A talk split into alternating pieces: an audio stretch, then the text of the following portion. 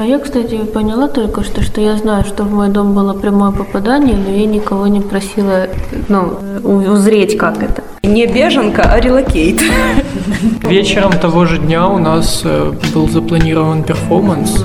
Жень, у нас началась война. Ну и все, и мир не будет прежним.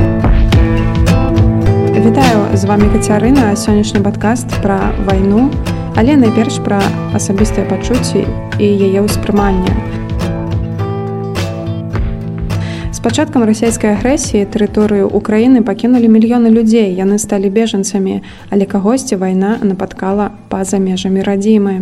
Так здарылася з акторкамі і акторамі плейбэк тэатра вахцёры яны з харкава. У лютым яны паехалі на гастролі ў літву з адваротным квітком але квіток так і не выкарысталі таму што пачалася вайна. а І як гэта? Планаваць паездку і не вярнуцца сустрэць вайну ў чужой краіне. Адчуванне вайны ў тваім доме калі ты застаў яе не дома. Сустракаць тут у чужой краіне беларусаў калі з тэрыторыі іх радзімы на тваю радзіму нападаюць. Як гэта ўсё ўспрымаецца?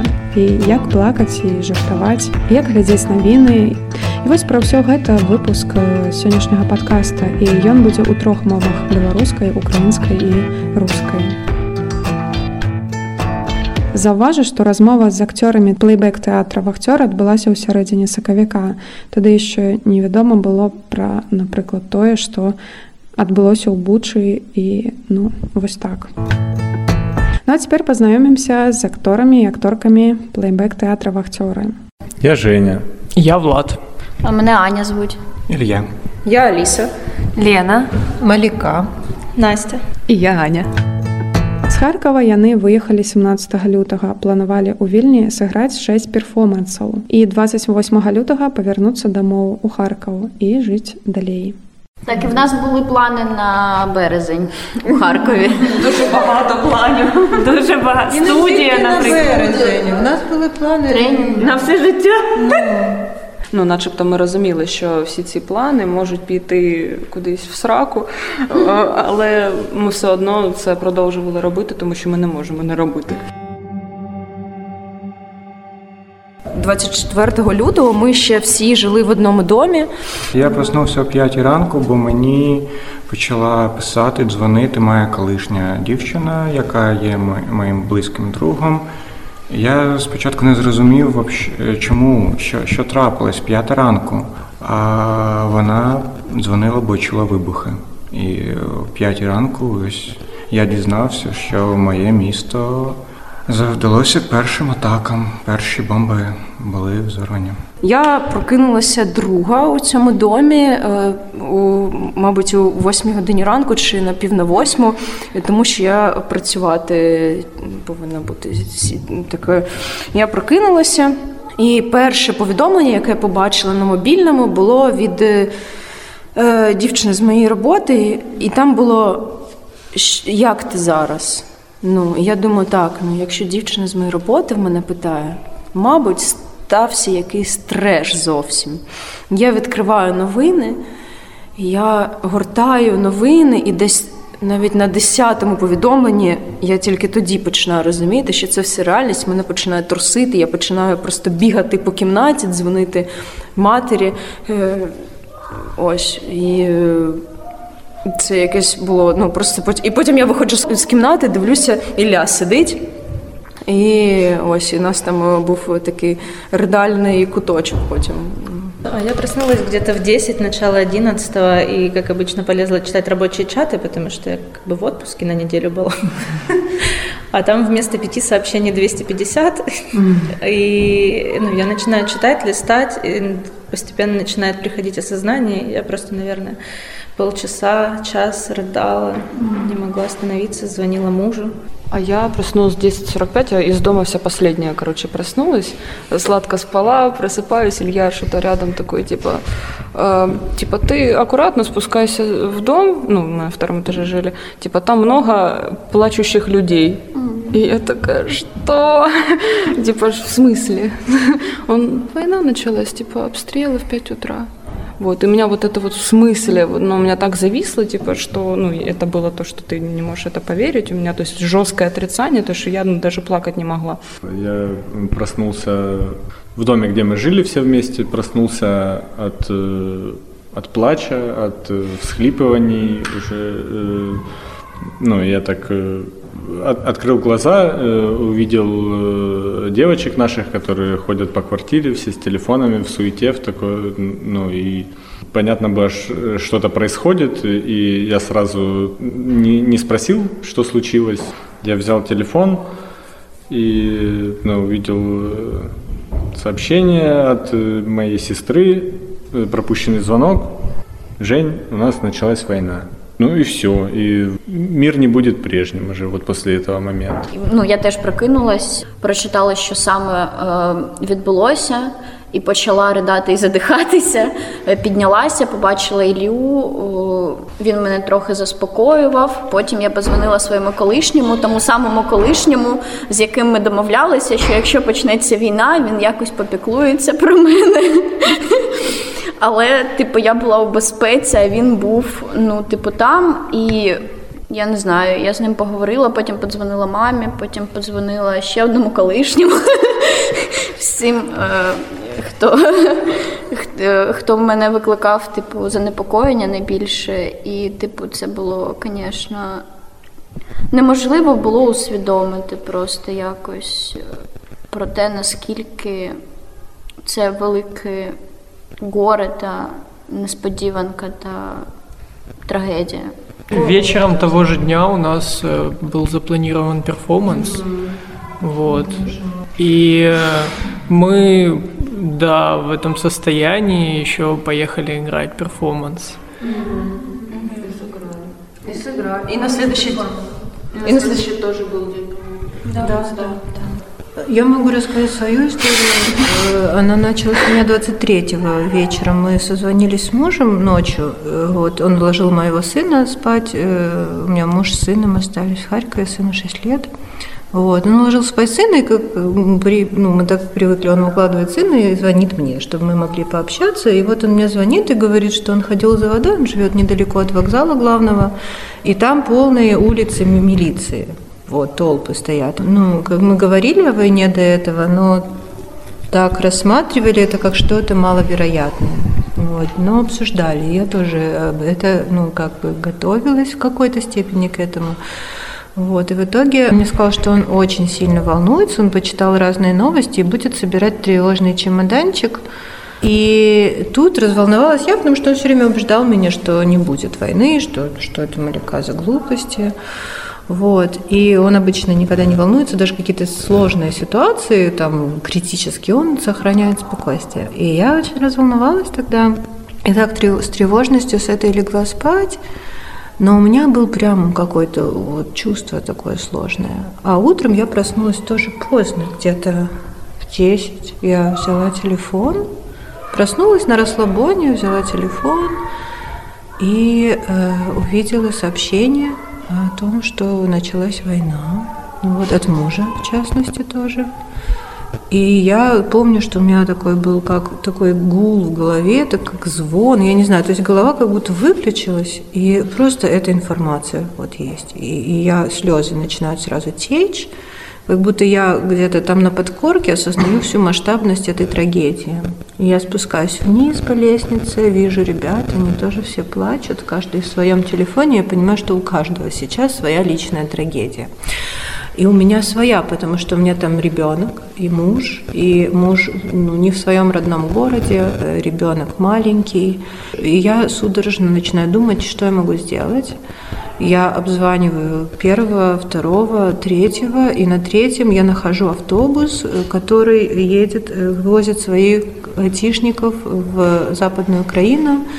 И он через 15 минут уезжает э, от станции, которая недалеко от мужа, И э, я их стыкую, он собирается, муж мой, за 10 минут, бежит туда с сыном, с моим, моим нашим маленьким, и прыгает в этот автобус. Я помню, что я пришла к ребятам, я понимаю, что мне нужно за 5 минут решить, уезжать мужу или нет. Потому что, ну, как будто бы ехать э, очень небезопасно, оставаться тоже. При этом мне звонят мои родители и кричат, Малика, ни в коем случае пускай не уезжает, что ты себе придумала, это все ерунда, не преувеличивай, типа, все сейчас успокоится, куда они поедут, вот, э, и прям давят на меня, а я прихожу к ребятам, и ну, я понимаю, что мне за две минуты нужно решить, э, судьбу моего сына, судьбу моего мужа, и при этом я, потому что муж мой в истерике, он, ну, как не в истерике, он очень сильно беспокоен, говорит, реши за меня, я не могу сейчас решить, я очень волнуюсь. И мы обсудили это с ними за минуту и склонились вместе, как по моим ощущениям, к тому, что нужно им ехать. И я понимала, что такая ответственность огромная. То есть, что если что-то с ними случится, это будет моя ответственность.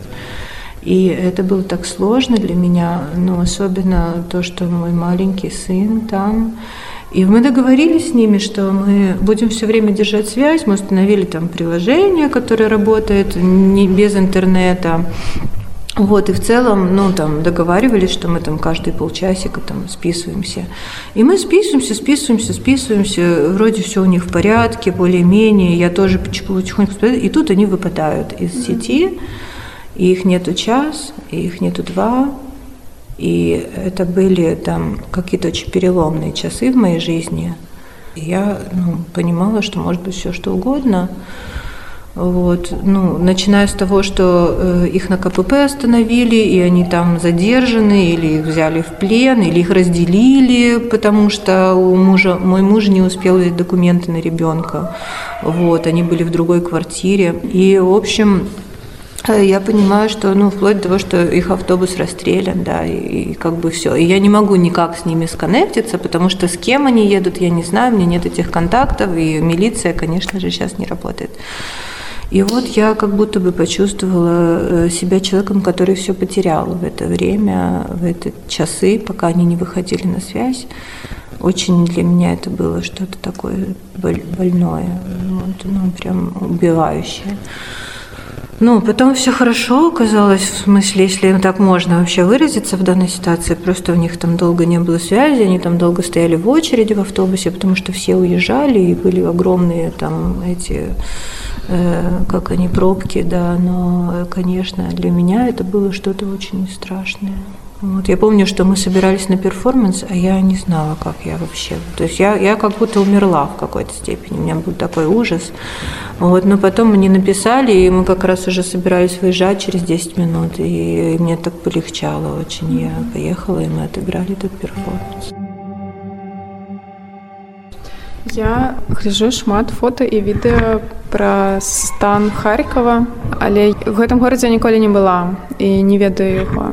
Ці вы таксама глядзіце гэтае відэо фото і ці можа там вельмі шмат зруйнаваных будынкаў якіх ужо не існуе ці сярод вашага жыцця ёсць такія будынкі которые былі для вас сьогодні влучили в мій дім не в мою квартиру але поряд і я дивився сьогодні фото як горить мій дім і те що на фото те, що викладають в інтернеті, воно не передає того, що дійсно коїться в Харкові. Бо це лише крапля, те, що знімають. В мене багато друзів, хто там залишився. І кожен день вони просинаються та засинають під е, взриви. І це дуже. Я навіть не знаю. Я можу тільки уявляти, як їм, бо я не там. Але Кожен день я чую, що там трапляється, і фото і відео це не передають.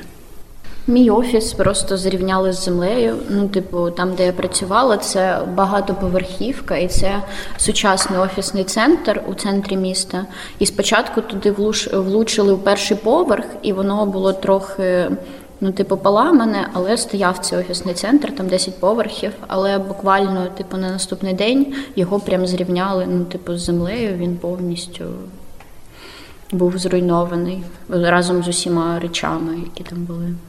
Э, я даже новости особо так не смотрю, потому что, ну, я не могу видеть эти картинки. Я буквально позавчера, по-моему, ночью что-то посмотрела и поняла, почему я не хочу это смотреть и не могу вообще видеть этого, ну, полностью отрицание, вообще невозможно это. То же самое, да. Я как бы слежу за новостной лентой, и там мелькают фото, от этого как бы никуда не деться, но видео я практически не включаю. Я как будто, ну, видео это как бы такой способ приблизиться к этой реальности, э, и я не хочу я наоборот смотрю, и я хочу быть близко к этой реальности, я хочу понимать, в каком состоянии сейчас мой город, мой любимый, очень любимый мной город, э, в котором я родилась, в каком состоянии сейчас мои друзья, которые по нему ходят и видят эти... Э, ну, у меня некоторые друзья ходят, снимают, потому что они операторы, там режиссеры, фотографы, они, ну, им ничего не остается, как фиксировать эту реальность и мне как будто бы хочется быть и чувствовать то, что чувствуют эти люди. У меня часто есть это ощущение, что я нахожусь вместе с ними там, и мне не хочется терять с ними связь, и поэтому я хочу понимать, что они пережили. Хотя я понимаю, что между нами все равно пропасть, потому что то, что они впитывают каждый день, ну, до меня доходит только эхо. Я дивлюся фото та відео, і інколи я це роблю прямо збираю деякі фото, щоб писати пости, щоб повідомляти своїм друзям, які за кордоном, е, але не з України. І і вони можуть бути з Росії чи Білорусі, і вони хочуть допомагати, і вони хочуть знати, що коїться. Ось тому якось я ще е, як збираю матеріал, і це теж така не знаю, чи має це якийсь сенс великий, це ти не має це великого сенсу, але це мені е, надає якогось внутрішнього сенсу, чому я це роблю, але це більше схоже на мазохізм. Просто. А я, кстати, поняла только что, что я знаю, что в мой дом было прямое попадание, но я никого не просила, ну, узреть, как это. Ну, то есть, это такое интересное сейчас ощущение у меня. Угу. Ну и не хочется как будто. Ну, я там знаю, что с работы, с работы у меня плохо нет и уже. вот. А, ну, и как-то я нормально это восприняла а дом как будто бы он не, не мелькает просто, а попросить кого-то пойти у меня рот не открывает. Ну, то есть это, это опасно. У меня дом сто, стоял на стратегической точке на мосте, ну, то есть и там мост, он имеет э, свои э, особенности, поэтому вот никого туда нельзя посылать. И так как-то странно мне от этого. Я не понимаю весь объем, весь объем случившегося. Так интересно. У меня смешно получилось. 28-го должны были вернуться э, в Харьков все. И типа 1 марта я должна была заехать в новую квартиру. В Харькове. И ключи от этой квартиры мне должна была привезти женщина из Сум. И 24 числа она мне звонит, Аня, извините, у нас тут такая ситуация. Вы поймете, я не доеду. Я такая, я понимаю, что вы не доедете. Вот как-то так, то есть.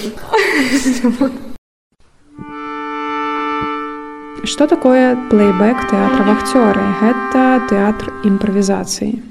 Гэта незвычайны тэатр з незвычайнымі пастаноўкамі, бо загадзя невядома, як пройдзе спектакль. Усё залежыць ад гледачоў. Яны распавядаюць свае ўласныя гісторыі, а акторы тэатра яе паказваюць праз эмоцыі. Якія гісторыі распавядаюць гледачы? Тыя, якія іх турбуюць на дадзены момант, а дадзеным момантам аказалася, канешне, вайна. Напрыклад, з месца устала жанчына і сказала: « Я ўжо доўгі час жыву ў літве, але я родам з России. 24 февраля моей страны просто не стало.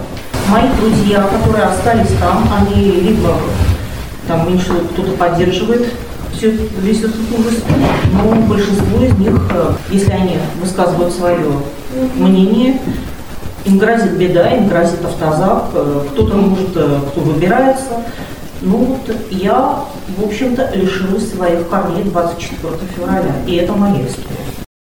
А якія гісторыі распавядалі беларусы пра ад'езд з радзімы, пра жнівень два і затрыманні, пра родны горад, дзе ты клеяў пратэсныя ўлёткі і Беларусь, куды ты невядома, калі вернешся.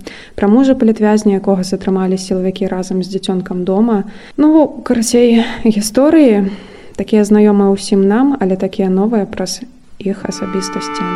І ўсе гэтай гісторыі адлюстраваў тэатр вахцёры. Гэта эмацыйна і эфектна і тут праз аўдыо, канешне, гэтага не перадаць. Я думала, что я уже никогда не смогу. Я думала, что я уже никогда не смогу. Я думала, что я уже никогда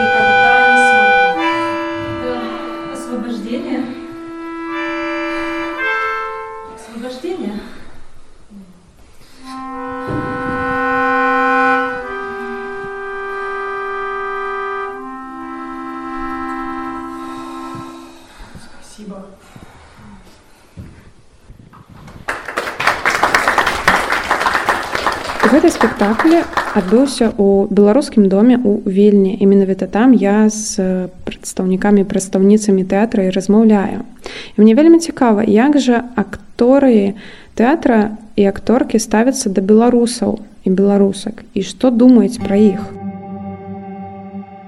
я следил за обстановкой в Беларуси в 2020 году.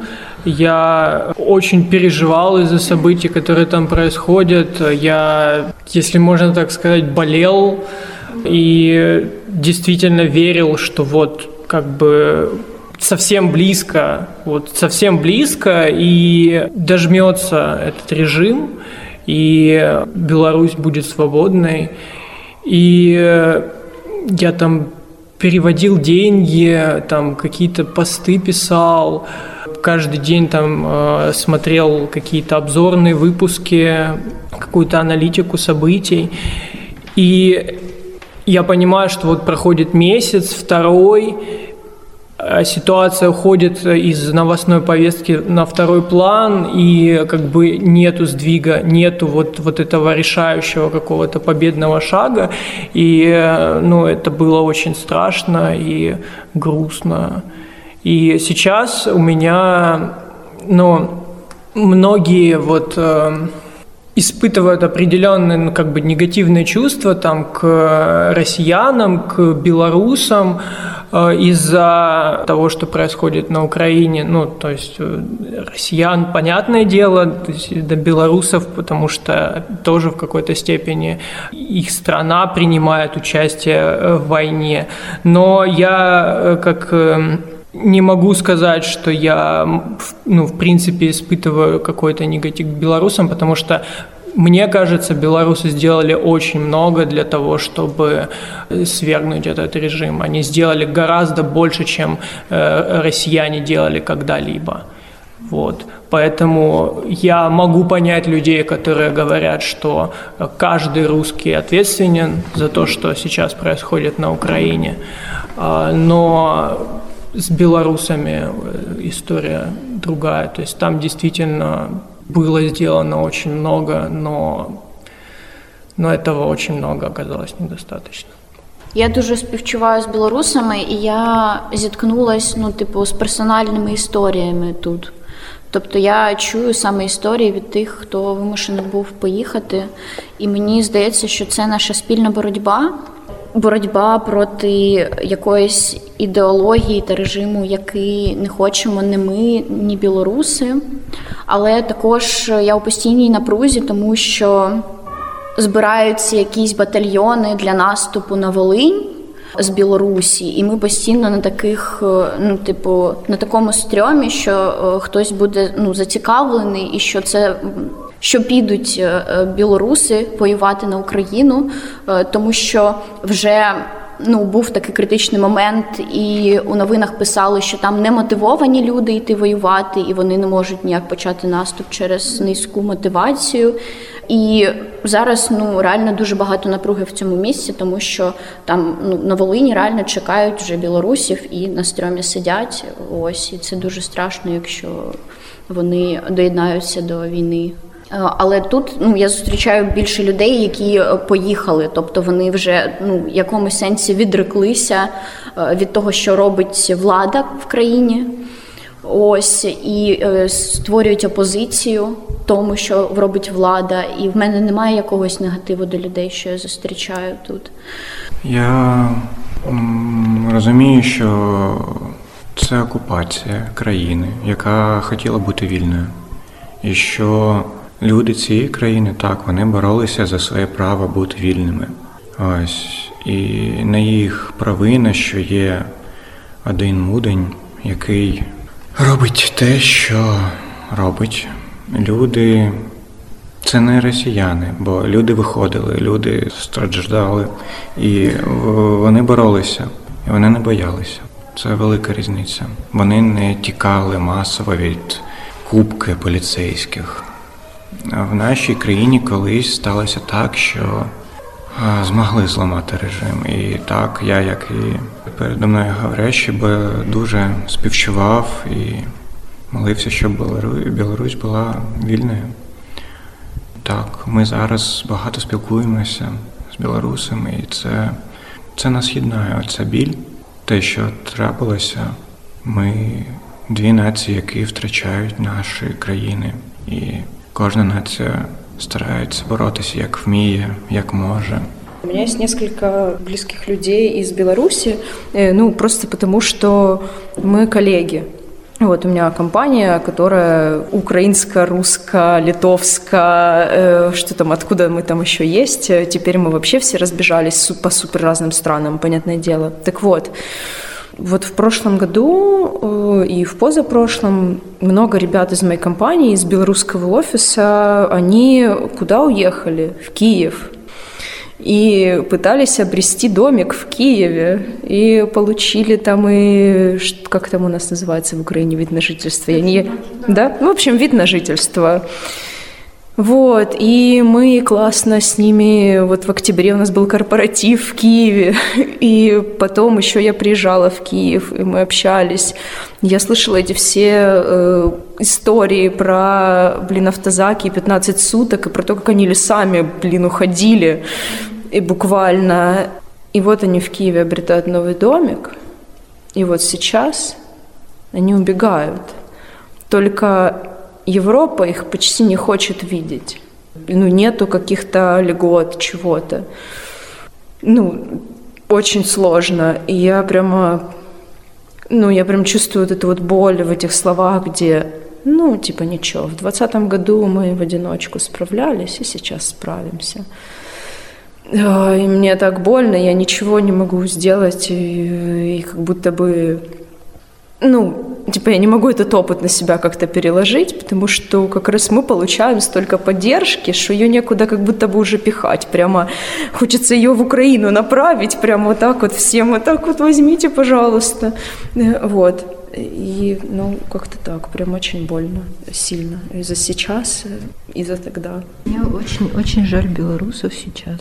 Я э, прожила в Беларуси 6 лет. Мой муж белорус, мой сын mm-hmm. там родился. Переехали в Харьков. И вот в 2020 году, когда все началось, я была просто в полном шоке, потому что люди поднялись. Для меня это было очень что-то восхитительное. Я просто сияла от счастья, если честно. Я смотрела на эту толпу и думала, ну все, наконец-то, переворот. Вот честно, я прям, ну, я не сомневалась, что это будет, потому что люди 20 лет молчали. Для меня это такая нафрустрированная энергия, которую невозможно сломать никак.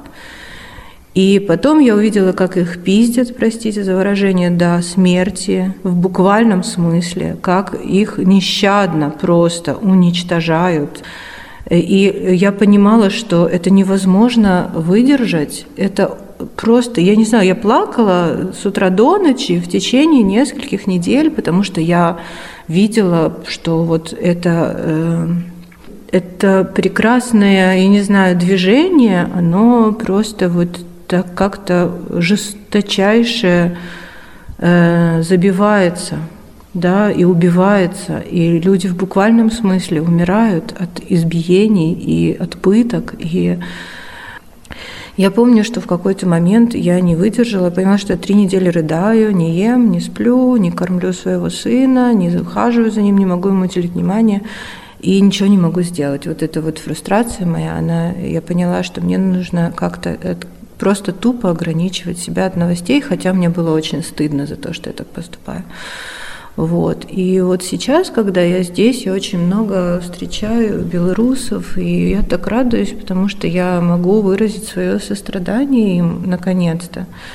Вот, и что они, ну, они меня восхищают тем, что они не перестают бороться с этим. Это вызывает во мне слезы восхищения. И мне так горько, что сейчас этих людей, которые так много терпели и натерпелись и заслуживают поддержки, а их как бы, ну, как немножко, некоторые к ним относятся негативно, как-то жестоко, ну, как будто они это не заслужили.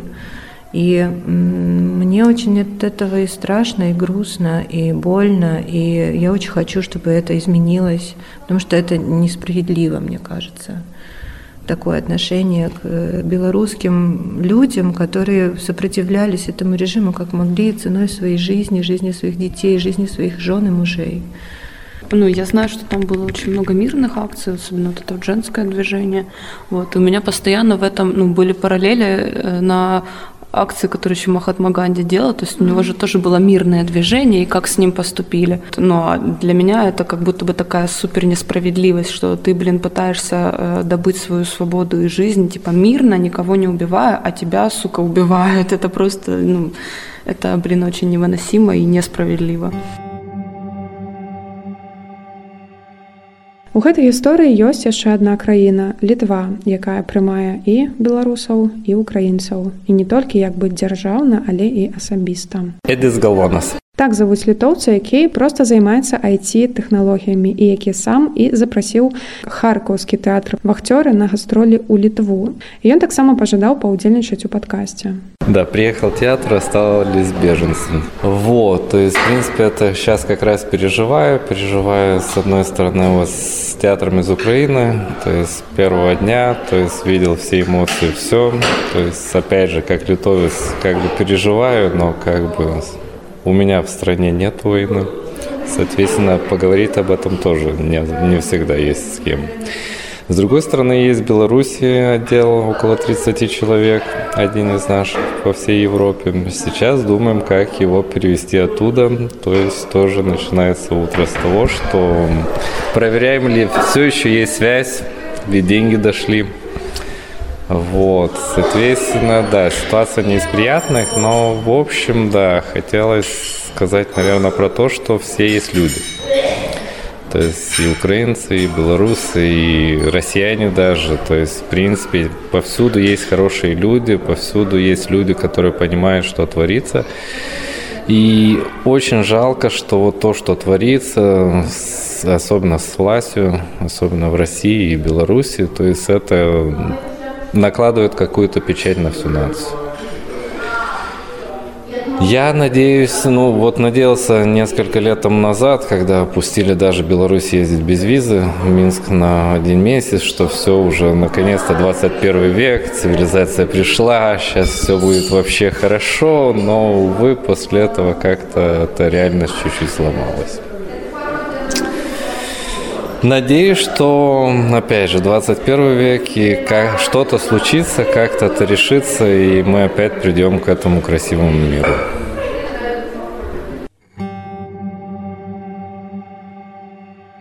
Не беженка, а релокейт. А, мы очень много шутим о том, что беженцы, бешенцы от слова бешеный. Вот. И просто там тоже с Алисой очень много шутили, что вот мечта была путешествовать и зарабатывать творчеством. Ну, блин, не такой ценой. Надо было четче формулировать запрос.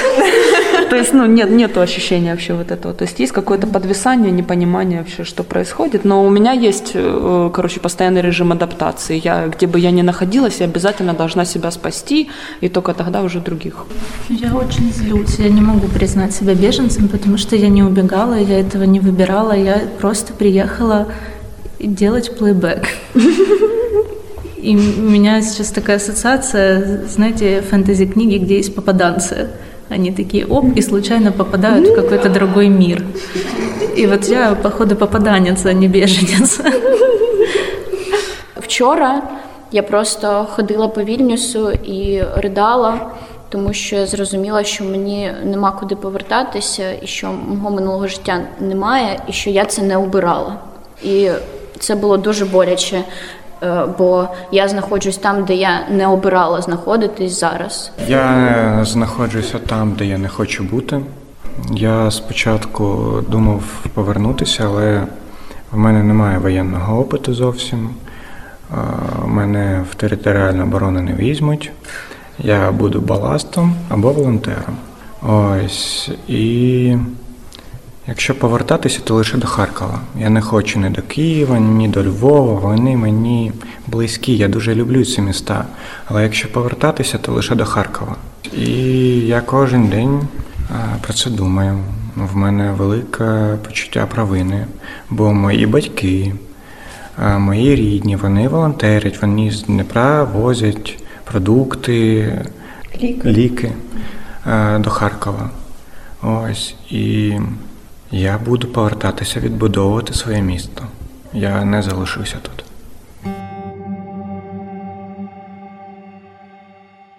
Я хочу вам вельмі моцна падзякаваць асабліва за ваши добрыя словы пра беларусаў я ніколі таксама не была ў такой сітуацыі калі па любыя словы падыходзілі таму што насамрэч ну не зусім зразумела мне, мне падаецца што б я не сказала это будзе не падыходзіць типа трымайцесь удачи пераможа напрыклад у меня есть знаёмы з марыуполя і м, да і калі я пару дзён чытала пра гуманітарную катастрофу я пару дзён не ведала я хотела ему написать і я не ведала што ему написать ты привет как ты как дела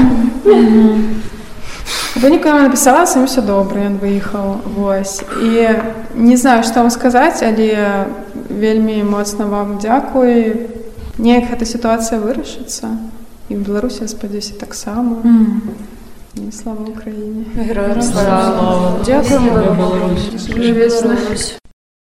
Ну вось я э, зразумела, што ўпершыню ў такой сітуацыі, калі не ведаю, якія словы падабраць і таму вось я сказала гэта наўпрост. І такім чынам і завяршаю гэты падкаст. Сапраўды слоў не хапае. Ёсць пачуцці. Пра гэта і быў сённяшні выпуск падкаста. Падкаст вясна прыйдзе існуе на розных пляцоўках і буду ўдзячна за вашы каментары, рэпосты і расшар. На гэтым я з вами развітваюся, бывайце.